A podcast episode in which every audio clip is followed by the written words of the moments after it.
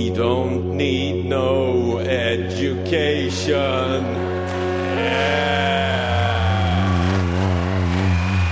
Välkomna till Flumskolan, vår folkbildade litteraturcirkel från Galago och Aftonbladet Kultur som spelas in live från Kulturhusets Plattanscen.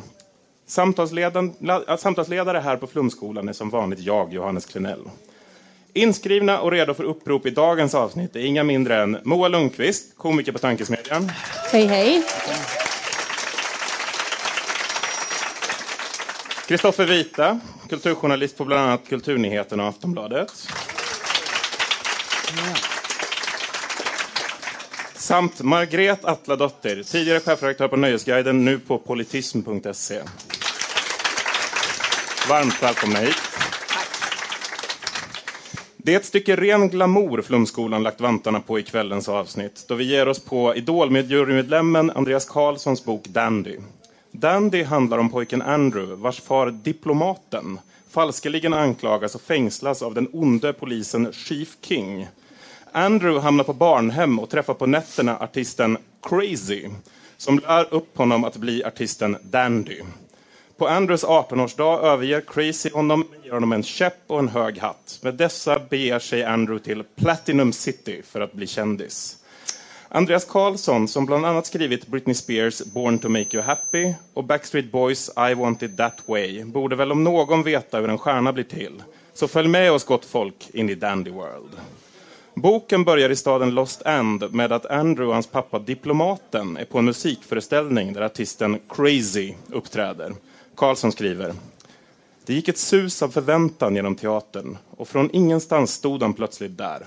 Crazy, själv i egen hög person, med den lila, hög, lila höga hatten, arrogant lutande på sned och med ett charmigt leende. Under det kraftiga brättet som slängde en skugga över halva ansiktet brann två plirande ögon med sprakande intensitet. Det axellånga blonda håret som gränsade till vitt föll över den lila sammetskostymen likt en tjock hästman. Den vänstra handen höll han en, I den vänstra handen höll han en käpp av svart ebenholts krönt med en glob i mässing stor som en biljardboll som reflekterade ljuset och skickade ut solkatter i lokalen. I den högra höll han en gammaldags mikrofon i ett stadigt grepp. Han tog ett djupt andetag, kisade mot publiken, log och kastade sig sedan in i musiken. Vad kände ni inför Crazy? Eh, lite, lite nervös blev jag när han började beskrivas med sitt långa vita hår. Eh, och sen så finns det ju även en bild på Crazy där han ser ut som en, en demon med slags brinnande ögon eh, som vakar över ett litet barn. Så att jag var direkt rädd, men också fascinerad såklart. Givetvis direkt indragen i berättelsen eh, när Crazy börjar dansa och sjunga på scenen. Eh, blandade känslor, helt enkelt. Blandade lite känslor. oklart vad han är, alltså om han Ja. är någon slags eh, magiskt väsen eller om han bara är en knäpp gubbe. Alltså, för han återkommer som ett slags spöke som pratar med Dandy i hans drömmar sen. Ehm, fast det är väldigt luddigt, man förstår inte riktigt.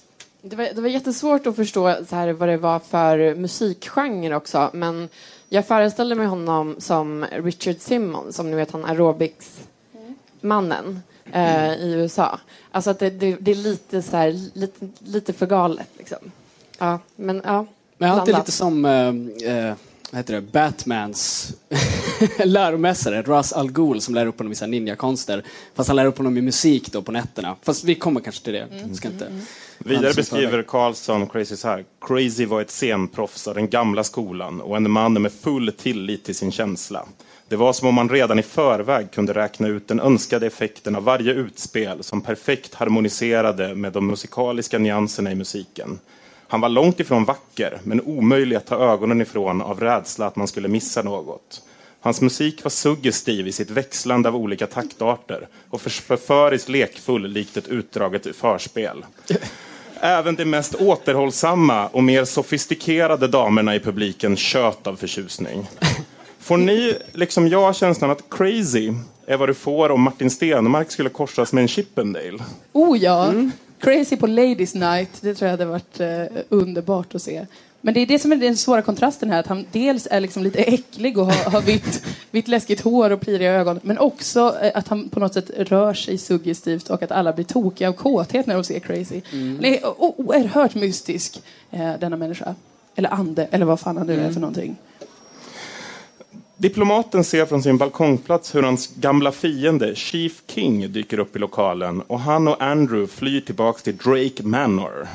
Vad tyckte ni om Chief King som dyker upp här? Men jag måste bara flika in, alltså, jag kände ju här i början av boken att, att, att det utspelade sig under typ medeltiden eller någonting, men det dök upp en mobiltelefon precis då. Så jag var såhär, aha okej, så det är liksom någon slags nutid. Det är ganska tid. oklart vad det är, om det är ett parallellt universum eller vad det är för värld. Det är en förtrollad värld. Dandy World. Lite overklig. Okej. Men vad sa du, Chief King? Chief King, vem är det? Eh, Jag kände varma känslor för Chief King. Han är ju en brottsling. Han ska man inte känna varma känslor Korrupt för. Egentligen. polis. Korrupt polis. Eh, hemsk. Men jag, jag kände ändå varma känslor inför Chief King. För att han har ett kall. Han är en av de få karaktärerna i boken som verkligen vill någonting själv. Och nu är ju det att han vill ta fast eh, en man och straffa honom. Han vill det- bara förstöra allt för den här Han- familjen. han vill det är förstöra typ, allt. Det, det är Det hela absolut. hans Han vill förstöra livet för, för Drake. boken. Ja. Ja, inte för Drake. För Drake, Manners, eller vad fan de heter. Andrew Drake senior och junior. Just det, De Andrew Drake senior och junior. Mm. När Andrew undrar varför Chief King jagar diplomaten svarar ju hans far att han oskyldigt misstänks för Chief Kings pappas död.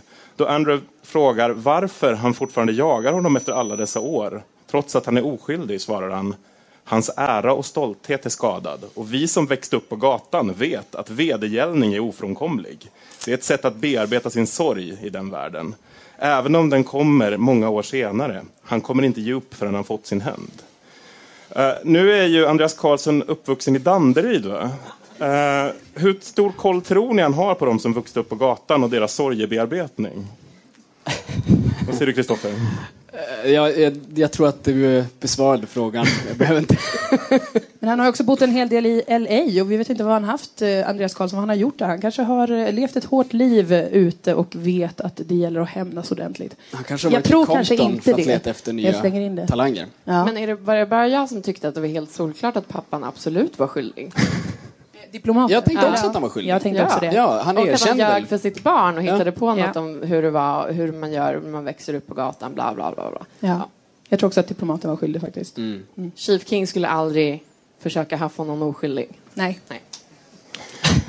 Eh, Chief King arresterar i alla fall diplomaten för skattefiffel. Han stjäl hela familjens tillgångar och han sätter Andrew i barnhem. Detta kapitel avslutas som alla kapitel med något vi inte hunnit ta upp än. En sång. Varför tror ni Andreas Karlsson valde att avsluta varje kapitel med en liten sång? Han är en sång och dansman. Ja.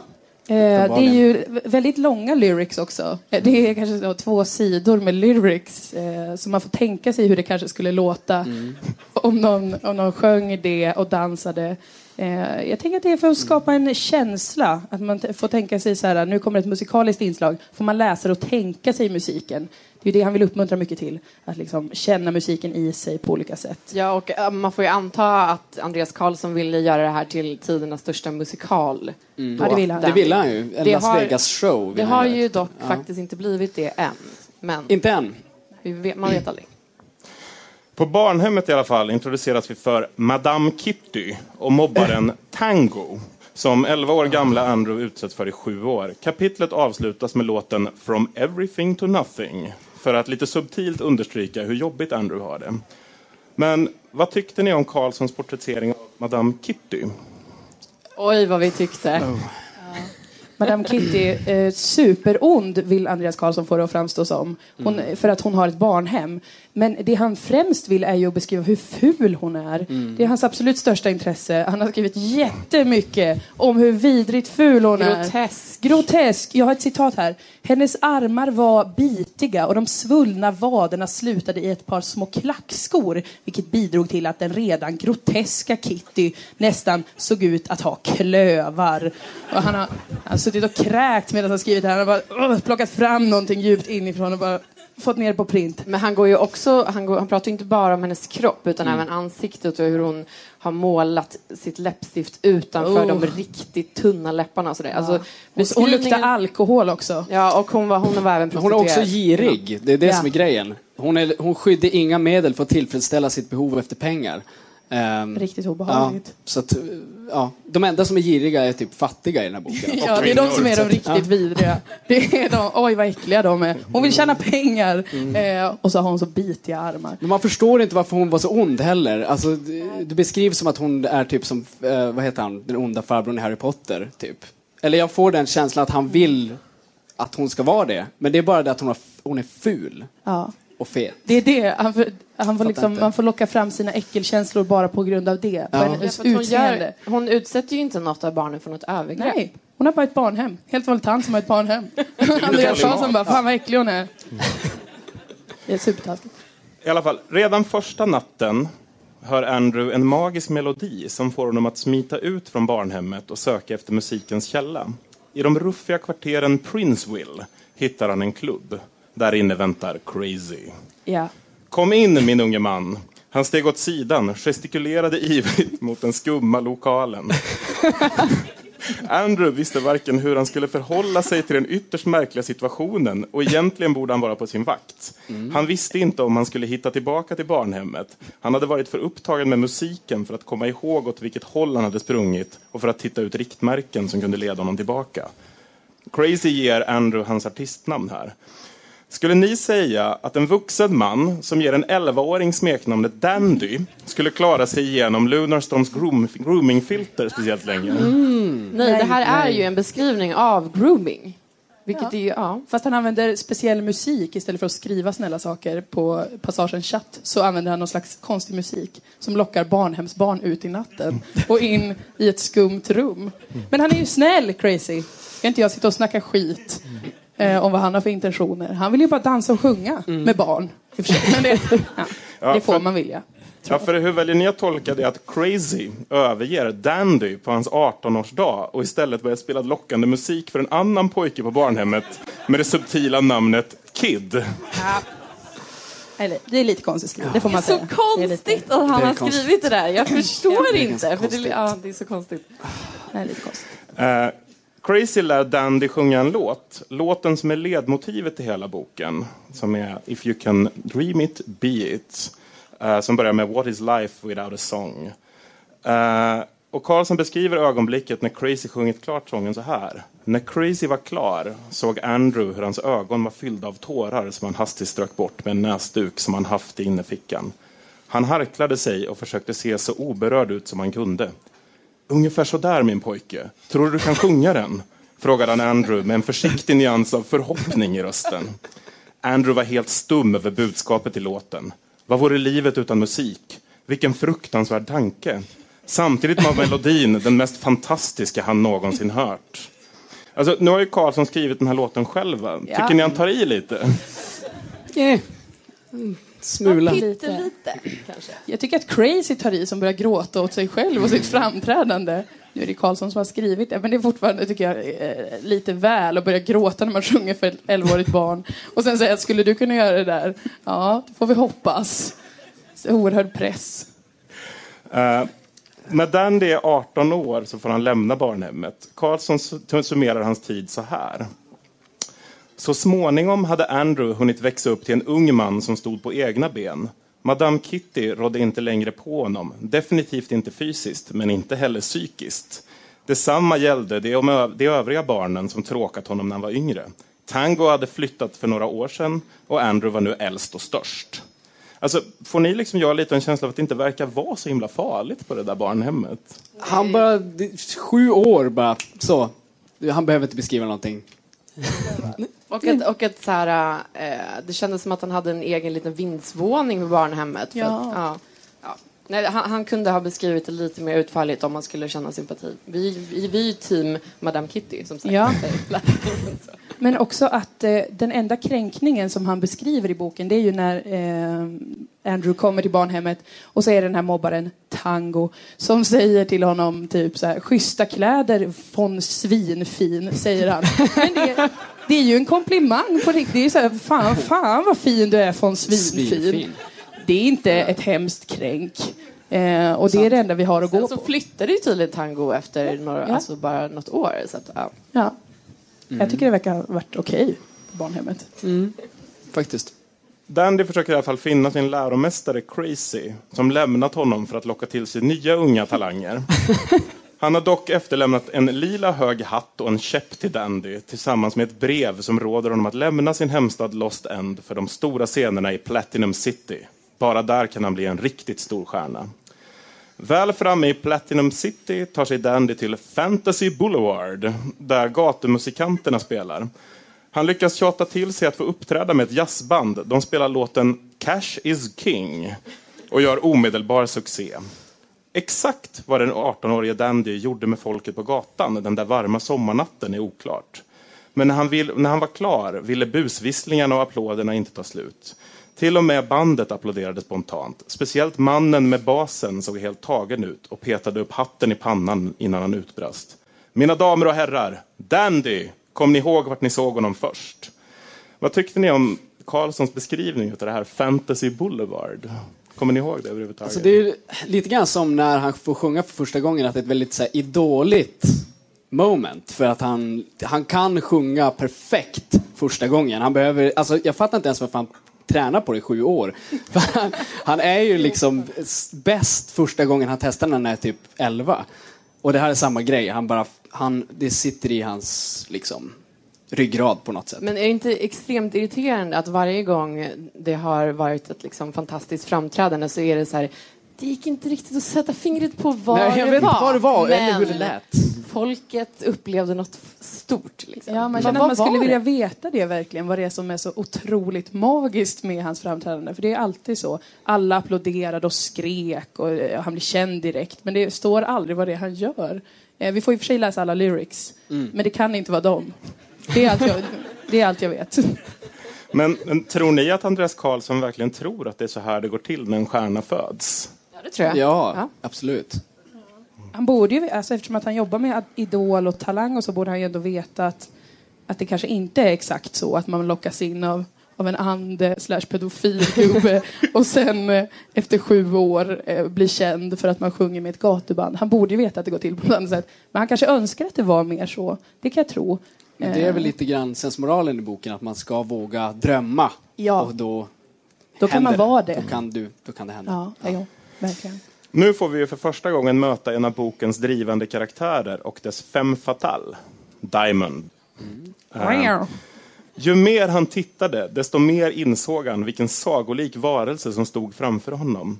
Hon var någonstans i 20-årsåldern med en midja som ett timglas, så smal att en storväxt man skulle nå runt den med händerna. Hon hade de längsta ben han någonsin hade sett och ett flammande hav av rödblont hår som vällde ner över det finlemmade axelpartiet. Hon var klädd i en kort röd klänning som tycktes vilja bli ett med det vackra håret. Ansiktet gav ett svalt uttryck med sina höga kindben, den lilla näsan som var i perfekt relation med de fylliga läpparna. Vad tyckte ni om Diamond? Jag tycker hon var raffig. Det hör man ju direkt. Jävlar vilken kvinna. Hon kommer in dit. Jättehärlig. Nej, men jag blev ju rosenrasande. Alltså, det här är ju först... Det här, är inte, det här var... In, alltså nej, jag kan inte ens... Alltså, det, det var så äckligt beskrivet. Fan vad äcklig Det var lite äckligt. Men tänk vad snygg hon är. Det är ju det. Exakt. får vi inte glömma. får vi inte glömma. Nej, men hon, hon eh, är, är ju väldigt drivande. Det tycker jag är härligt. Men eh, ja, vi kanske kommer mer till vad som Ja, hände med vi, Diamond. alltså, hennes, ja, precis. Det kommer sig lite sen är hon ju lite så här att, man, att eh, hon blir en favorit. Men den här beskrivningen, alltså gud. Jag reagerade lite över det här stycket. Diamond, kom nu. Du har inte tid med gatumusikanter. Jag trodde du föredrog rockstjärnor, ropade mannen i kostym hånfullt. Ser du inte att han är fattig som en kyrkråtta? Det är inget för dig. Hon tycktes nonchalera vännernas syrlig, syrliga kritik. Hon var inte klar med sitt förhör ännu. Vad heter du? frågade hon istället lugnt. Dandy. Det var andra gången han sa det namnet inom loppet av några minuter. Och det kändes bättre den här gången. Dandy. Det var ett annorlunda namn. Jag vill inte vara sån på något sätt, men i en värld där folk heter Tango, Chief King, Kid och Crazy, ja eller varför inte Diamond, känns verkligen Dandy som ett helt orimligt namn. Det kan inte vara det konstigaste hon har hört. För i Dandy, i den här boken, så kan man säga så här, fåtölj. Och då är det någon som heter det. För att alla har sådana namn som bara är ett ord som någon har sagt. Så det var lite konstigt. Men lever de inte i Dandy World? Som borde väl vara bekant med det konceptet. Jag vet. Det finns också ett fantastiskt så klafffel i det här läget och det är det att hon frågar vad han heter trots att han just blivit presenterad på scen högljutt. Ja. Sen avslutas det här med att han, Karlsson skriver så här, plötsligt slog det honom. Han hade aldrig frågat efter hennes namn. Men hennes kamrat sa ju precis vad hon hette och ropade det högt inför honom. Vad tror ni egentligen Karlsson tyckte var viktigt att säga här? Att de är dumma som spån eller? Ja. Nej, Det- jag tror att han ville få till så här, en- en slags Disney-filmskänsla. För att det, det måste finnas en förklaring. För det är mycket så här, snacket i boken är så där käckt och så här, ja. Ja, ja, det, jag tror att han... Han ville få till en dynamik mellan de två så han, kanske han inte tänkte på alla detaljer kring just att de just hade sagt varandras namn, hört varandras namn. Men han ville få till den här, ja vad heter du, vänta gå inte, vad var ditt namn? Och sen så var det kanske att han Han hade är liksom glömt. för ivrig. Ja. Han tycker om sin text för mycket så han tänker inte på vad han tidigare har skrivit, antar jag. Nej. Och ärligt talat, vem är jag att klaga över logiska luckor i just den här boken? Ehm, Efter detta så träffar Dandy för första gången sin vapendragare, artisten Bling. Vad Yes. tyckte ni om Bling? Så. Uh, jag vet inte vad jag ska säga. Uh, han är, är han svart eller? Jag, jag förstod inte. Alltså det antyds, sen se- finns, får man ju bilder då. Det finns Ja, det är bilder, bilder i boken på alla karaktärer. Eh, men det understryks genom att han hela tiden, det enda han säger är typ, det ordnar sig brorsan. Ehm, och han är, var, var en fantastisk sångare och en hyfsad rappare. Eh, så. Och han klär sig lite som Andre 3000, får jag känslan av. Så. Han vet hur man klär sig. Det är väl det som man, man, han vill understryka, Karlsson. Men man får aldrig riktigt veta vad han har på sig. Ja, tweed. Jo, det var exakt, nu kommer jag ihåg det. Och, ja. och eh, han beskrivs som att han är mörkhyad och iklädd en tweedkostym. Ja, Så att, just ja. det. Eh, det här kapitlet. Men han har liksom ingen personlighet alls, Nej. förutom det. eh, kapitlet markeras genom att låten här heter Brother from another mother. Yes. Ehm, efter kapitlet om Bling introduceras vi för Dandys andra kärlek, servitrisen Starlet. Jag Star- tycker att du ska utfärda en varning nu för att alltså, det kommer komma ännu, en ännu äckligare kvinnobeskrivning. Den fortsätter ett tag in i hela avsnittet tror jag. Det är lite genomgående hela, hela den här boken, kvinnoporträtten. Starlet beskriver Karlsson så här. Starlet drog det fylliga blonda håret åt sidan. Hon var vacker som en sommargryning. Oj. Tappar vi ljudet? Nej, tillbaka. Hon var vacker som en sommargryning och precis 17 år fyllda. Den tajta servitrisklädseln smet åt om hennes kropp. Hon var kurvig, men uppfattades ändå som liten och smal. Runt den nätta halsen hängde en ögonfallande medaljong i silver med hennes namn på ena sidan och ett ironiskt tillhör. Hon hade fått den innan hon flyttade hemifrån av sin överbeskyddande men välmenande mor. Vad tror ni egentligen att Karlsson ville säga med karaktären Starlet? Hon är ju allt eh, perfekt. Hon är ju kurvig och liten och vacker och snäll och har en snäll mamma, mår bra. Hon är allt som Diamond inte är. Starlet är the girl next door som han har dragit till sin absoluta spets. Så hon nästan inte kan, eller det, det är väldigt svårt att se henne framför sig. Men var hon tvungen att vara 17 år? Kunde Ja. hon inte varit så här, Ja, det var 18 det. så hade det känts lite bättre. Men det är mer spännande så. Hon har inte ens fyllt 18 år. Det vet vi, som Cecilia Lind. Det Det gillar finns ju en alla. annan beskrivning sen i slutet, eller i extra kapitlet av boken som är ett eh, extra material till Live to Win, låtarna som skrev mitt liv, där han också beskriver Tove Styrke. Eh, och då är väl hon också 17 år, Ja. som en väldigt sexig Lolita. Så jag vet inte om det finns någon slags koppling kanske. Ja, det måste det finnas. Det är att han ja. Eventuellt. Jag gillar unga människor, så kan man ju sammanfatta lite grann hela boken. Att det är härligt när folk är unga. Riktigt unga. Superunga. Vi återkommer till det. Eh, Det här kapitlet avslutas i alla fall av sången Lady in waiting. Min favoritlåt i den här Ja, för boken. hon är ju självklart oskuld. Ja, och hon är en waitress, så det är lite ja, det är smart tänkt. Lady in waiting. Och hon väntar också på sin prins, eh, kommer det ju fram. Så hon vill lämna över sitt halsband till sin eh, framtida man, så att det ska stå tillhör, lite ironiskt. Eh, eller då kanske inte är ironiskt längre, det kanske bara var ironiskt för att det var från hennes mamma. Nu från början. Bling och Dandy flyttar i alla fall ihop med varandra. Och diplomaten försöker få permis från fängelset. Det får han inte trots brottssatsen att sitta i fängelse i sju år för skattebrott så är det tydligen omöjligt. Uh, återigen orkar inte riktigt Karlsson berätta vad som är så jobbigt med att sitta i fängelse utan diplomaten uttrycker mest en saknad för Andrew. Dandy och Bling uppträdde på nattklubben Edge, en plats som verkar vara en skum blandning av Café Opera och gothklubben Grottan på Östgötagatan. Återigen sträcker sig Karlsson till att förklara hur bra spelningen var med att säga det går inte att sätta fingret på vad som hände. Karlsson sammanfattar Dandys framträdande så här.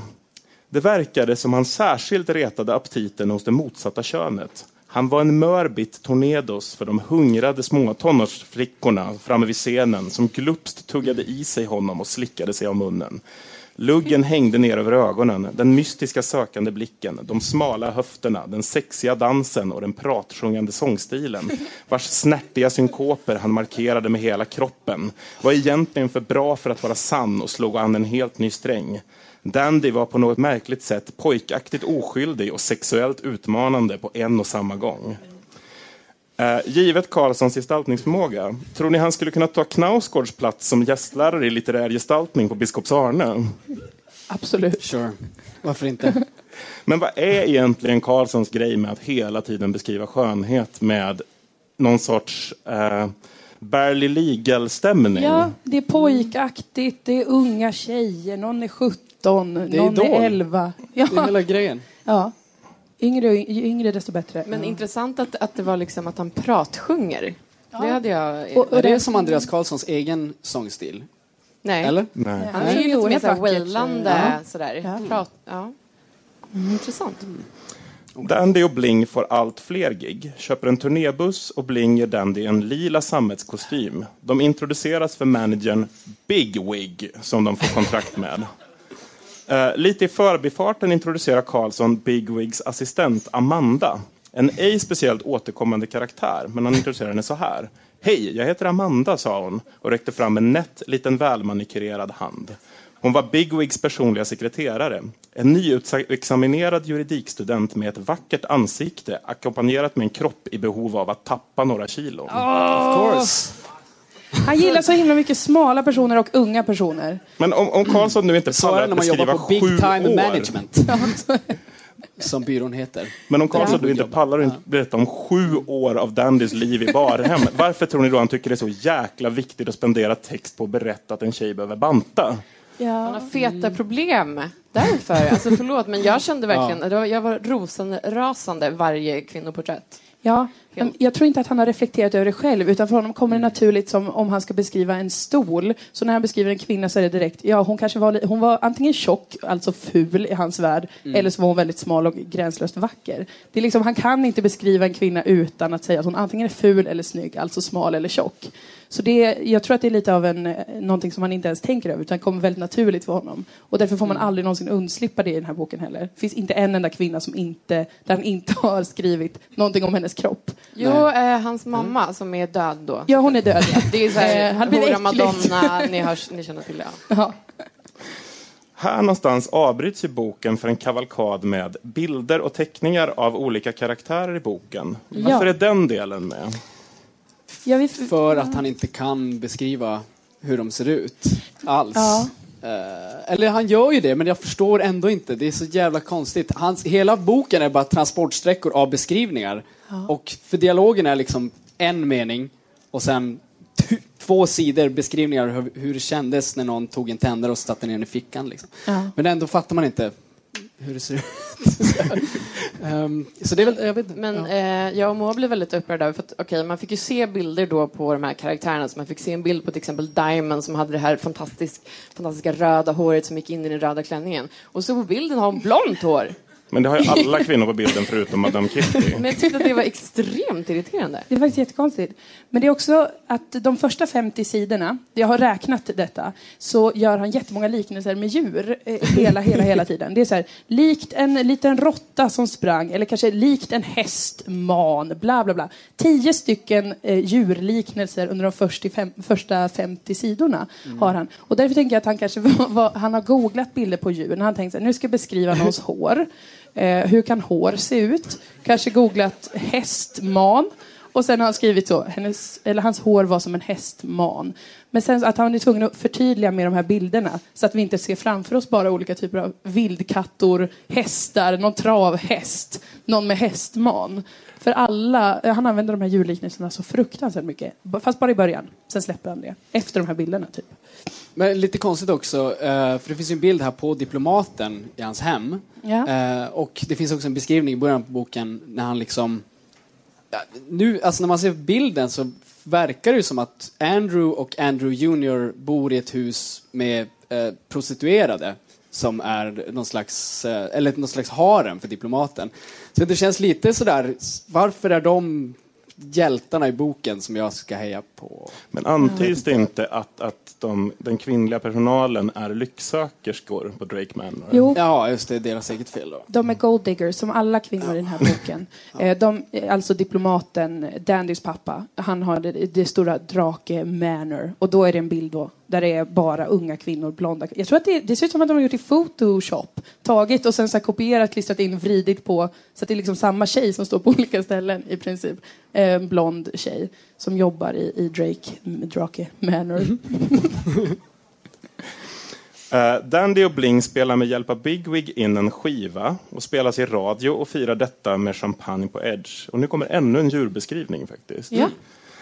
Det dröjde inte länge förrän bordet med den fulla champagneflaskan var omringat av en hord tjejer och de fick snart beställa in en ny. Titt som tätt under kvällen dök de ner mot bordet likt fiskmåsar för att fylla sina glas av bling som gladeligen lät skumpan flöda. Alltså, får ni som jag känslan av att det här är en snubbe som vill förmedla rutin och cynism inför artisteri och groupies men som sakta men säkert bara framstår som en kvinnohatande idiot? Lite så, ja. Och han vill ha det här livet, så. tror jag. Ja, Han jag tror att han, att han har det lite grann också. Ja. Ja. Fast ändå inte riktigt. Det tror jag inte. inte fullt ut. Nej. Jag tror inte han är så cool heller. Alltså, Nej. han får inte hänga på Edge. Eller motsvarigheten.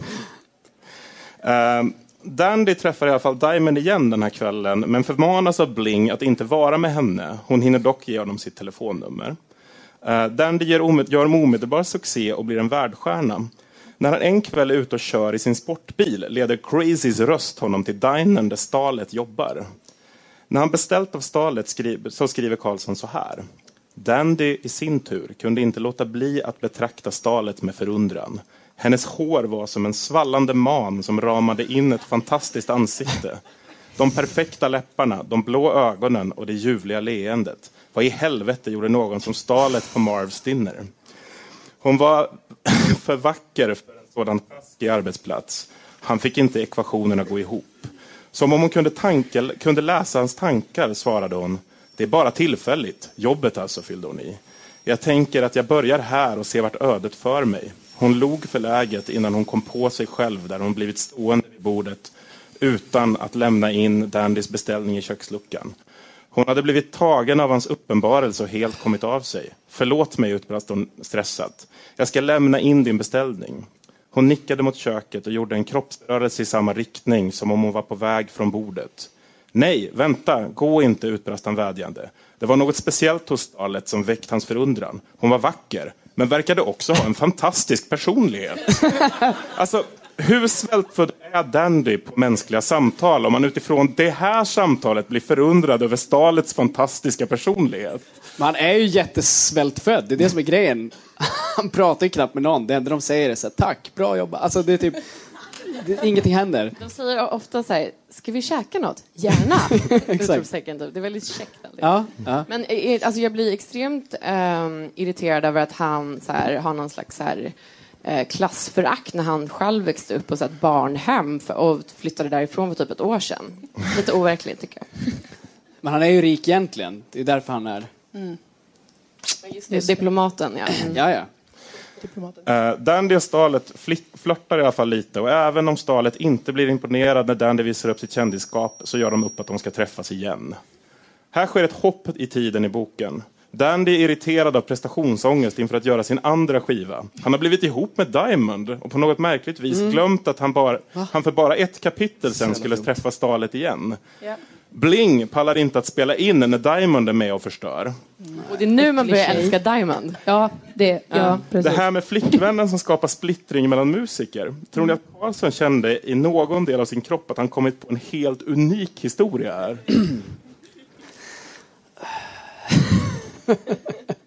Kan, nej, jag vet inte. Jag tänker att han är, tänker att det är en väldigt bra story. För den funkar ju uppenbarligen. Det har vi hört många gånger. Bromance och sen förstörs det av någon läskig tjej med, med röd klänning. Så det är ju någonting som intresserar folket. Jag tror att Karlsson tänker lite så. Att det här blir en bra, eh, bra liksom slitning i deras relation. Bros before hoes. Ja. Eh, pengen vill han åt. Precis. Darling ger i alla fall Dandy en stor dyr Hötorgsmålning av sig själv i bikini. eh, Så vi alla ska förstå hur smaklös hon är. Hon ligger sedan med honom på hans födelsedag och om vi inte fattat redan vad Karlsson tycker så att vi ska tycka om Diamond så skriver han så här. Han var helt förhäxad av det erotiskt laddade skådespelet. Förhäxad av nymfen framför honom. Egentligen hade hon kunnat jobba extra i Fantasy Boulevards mer tvivelaktiga kvarter. Hon hade i alla fall tillräckliga färdigheter i sängen. Andreas. Detta kapitel avslutar i alla fall Andreas Karlsson med låten Take your clothes off. Yeah, a sexy song. Men det var den med sexscener, det var samma kapitel. Ja, precis. Vad tyckte ni om den? Sexscenen? Nja, vad ska man säga? För det händer ingenting, alltså det är också bara de bara, li- alltså det är ingenting. Det är generiskt typ. Det är, ja, jag vet inte vad jag ska säga. Är så jävla trött. Dandys far, diplomaten, kommer i alla fall ut ur fängelset till sist och besöker sin son backstage. Dandy känner sig sviken av sin far som han inte hört något av på sju år. Eh, kan ni känna att, så här, att han inte fick någon permis och så kanske är lite förklarligt, men är det inte lite märkligt att diplomaten inte ens försökt ringa sin son på sju år? Det finns ju uppenbarligen mobiltelefoner, men Ja. inte telefoner i fängelserna. Jag tror att det är för att Chief King har sett till det. För Chief King vill ju att han ska vara väldigt olycklig. Och därför har han sett till att han inte kan ringa eller höra av sig. Men det är lite konstigt ändå. För att hur mycket makt kan Chief King ha i fängelse? Tydligen jättemycket. Eh, Men väldigt sorgligt. Och det är också sorgligt för att från början så är det ändå ganska mycket beskrivningar av vilken bra relation de har. Dandy, Andrew och hans pappa. Eh, Och de älskar varandra så himla mycket och mamman är död. Så det är bara de två, alltid. Och sen avslutas det kapitlet med en sång som handlar som är så här, varför övergav du mig? Fastän barnet vet att hans pappa blev ju tillfångatagen och satt i fängelse. Men då är han ändå kränkt och är så här, varför, pappa varför gick du härifrån? Ja, men han blev ju tagen av polisen och bortförd. Dandy. Det tycker jag är en logisk lucka. Det kanske var mer den- som han kände sig övergiven. Ja, det, det måste ju ha varit det. Det var mer en sån beskrivning av, av hans inre liv. Ja, precis. precis. Mm. Bigwig bestämmer sig nu för att den logiska följden i Dandys artistkarriär efter en första skiva som har varit väldigt framgångsrik, det är att bygga ett nöjesfält, Dandy World, till Yeah. hans ära. Känns det här helt rimligt, tycker ni? Allt är möjligt i den förtrollade Dandy World. Man fatt, jag fattar inte vad det skulle vara för nöj, alltså nöjesfält. Det verkar ju bara vara så här, en konsert, typ. Ja. Det känns ju lite trist. Ska det vara en arena och en klubb? Vad är det, ska, det känns som att det ska vara lite Friends Arena. Fast det, ska, liksom, det är lite som Friends Arena om bara Springsteen uppträdde. Ja. Alltså lite den stämningen. Är. Alltså, att det är bara Dandy varje dag. men, och, ja, ja. Jag ska spela varje dag. Men och karuseller och sånt väl? Det var ju det som det inte skulle, Skulle vara. det inte vara det? Men det var ju det jag väntade på. Alltså, Ja. Jag tänkte mig liksom Gröna Lund-aktigt, men... Precis, det är ju det man tänker sig. Men då, nej, okej, nej, då är det en jättedålig idé. Om man Vi går händelserna i förväg nu. Eh, Men jag måste bara eh, notera också att när Dandy ska marknadsföras så är det citat på allt annat än musiken. Eh, Det är av väldigt cyniskt. Ja, men det är för att han nu börjar tappa greppet ja, från sin personlighet och mer och mer Men jag tror det här var innan dess till och med. Att det, var liksom, det fanns en poäng med det. Och vi vet fortfarande inte vad för typ av musik Nej, det är. nej. Det är, helt, är det country, är det techno, är det eh, liksom rap? Det är så... Det är mycket synkoper och pratsjung. Det är allt jag... Det, Det hör liksom jag. Och lila kostym och hög hatt hänger med och Crazy. Men, ja. Nu är Chief King tillbaks. Han är polischef i Platinum City och är skitarg på Dandy för att han inte vill betala beskydd och ta för mycket plats med sitt nöjesfält. Han anställer Diamond för att sätta dit Dandy. Kan ni överhuvudtaget greppa varför Diamond bestämmer sig för att gå med på Chief Kings idé? För Dandy har ju liksom varit otrogen med den här lilla servitrisen Starlet som är 17 år. Och hon älskar pengar. Ja, hon älskar verkligen pengar, Diamond, och ett liv i flärd. Men Yes. Mm. Dandy är lite tråkig. Ja, så nu känner hon fuck that och vill ge sig i slag med Chief King. Jag förstår henne. Jag tror jag hade gjort samma sak. För jag tycker Dandy verkar så himla tråkig väldigt fett ofta. Han är, ja, men han är aldrig nöjd. Är väldigt osympatisk. Så jag förstår Diamond, att hon vill sätta dit honom.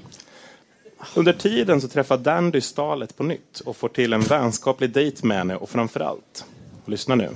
Dandy satt otåligt och väntade i bilen när Starlet kom ut från personalingången på baksidan. Hon tittade sig omkring efter honom och han signalerade i sin tur med helljuset. Hon vinkade glatt och skyndade mot bilen klädd i ett par jeans, sneakers och t-shirt och med håret uppsatt i en tofs. I handen hade hon en handväska och en tunn eh, jacka över armen. Hon var inte sminkad, men strålade ändå på ett oöverträffat sätt. Han upptäcker alltså att hon är en sån himla fin människa att hon är snygg utan smink. Hon är ju 17 år! Herregud, jag var också söt utan smink när jag var barn slash tonåring. På en skala från 1 till 10 på Hora Madonna-komplexmätaren, hur hög poäng ger ni egentligen Andreas Karlsson? Tio? Ja, jag tror faktiskt att han kvalar in på en tia där. För det, är- ja, Elva. ja. Han har gjort det väldigt ordentligt, Hora Madonna-komplexet. Ständigt, ständigt. Låten som avslutar det här kapitlet heter i alla fall You're so different. Yes. Rast över till nästa kapitel som inleds med den här beskrivningen. Det här är något av det bästa jag vet. Klockan var inte ens tio på morgonen när Diamond drog i sig frukosten. Två lin och kokain prydligt portionerade på nattduksbordet. Vilken gränslös, vidrig kvinna. Ta kokain på morgonen. På en skala från 1 till 10 på ja, vi fattar vad du vill säga nu-skalan. Hur många poäng får Andreas Karlsson? Tio. Tio, tio. Det här, det här kapitlet avslutas i alla fall med sången Slave. Diamond går ut i pressen med att hon och Dandy ska gifta sig. Starlet som är kär i Dandy blir ledsen och gör slut på deras vänskapsrelation. De har nämligen aldrig gjort någonting med varandra. De har bara varit väldigt, väldigt goda Vad var det vi vänner. sa om hora Madonna? Dandy gör då slut med Diamond som lämnar en väska kokain i Dandys lägenhet. Och Boom, bitch! hitta.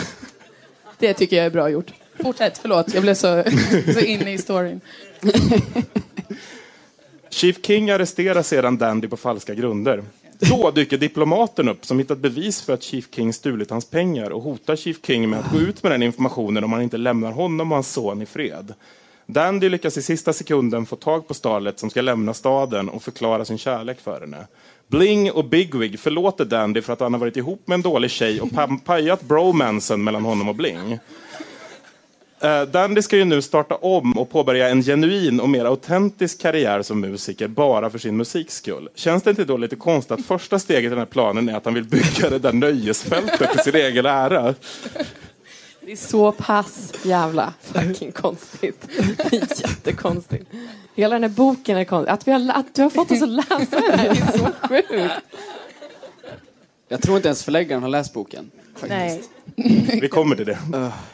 Eh, Dandy öppnar i alla fall det här nöjesfältet och efter en succékonsert tar han sig tillbaks till hotellrummet och somnar. Han vaknar till det sista kapitlet. Och håll i hatten nu. När han vaknar är han tillbaks på barnhemmet, 11 år gammal. Allt var bara en dröm. Yes.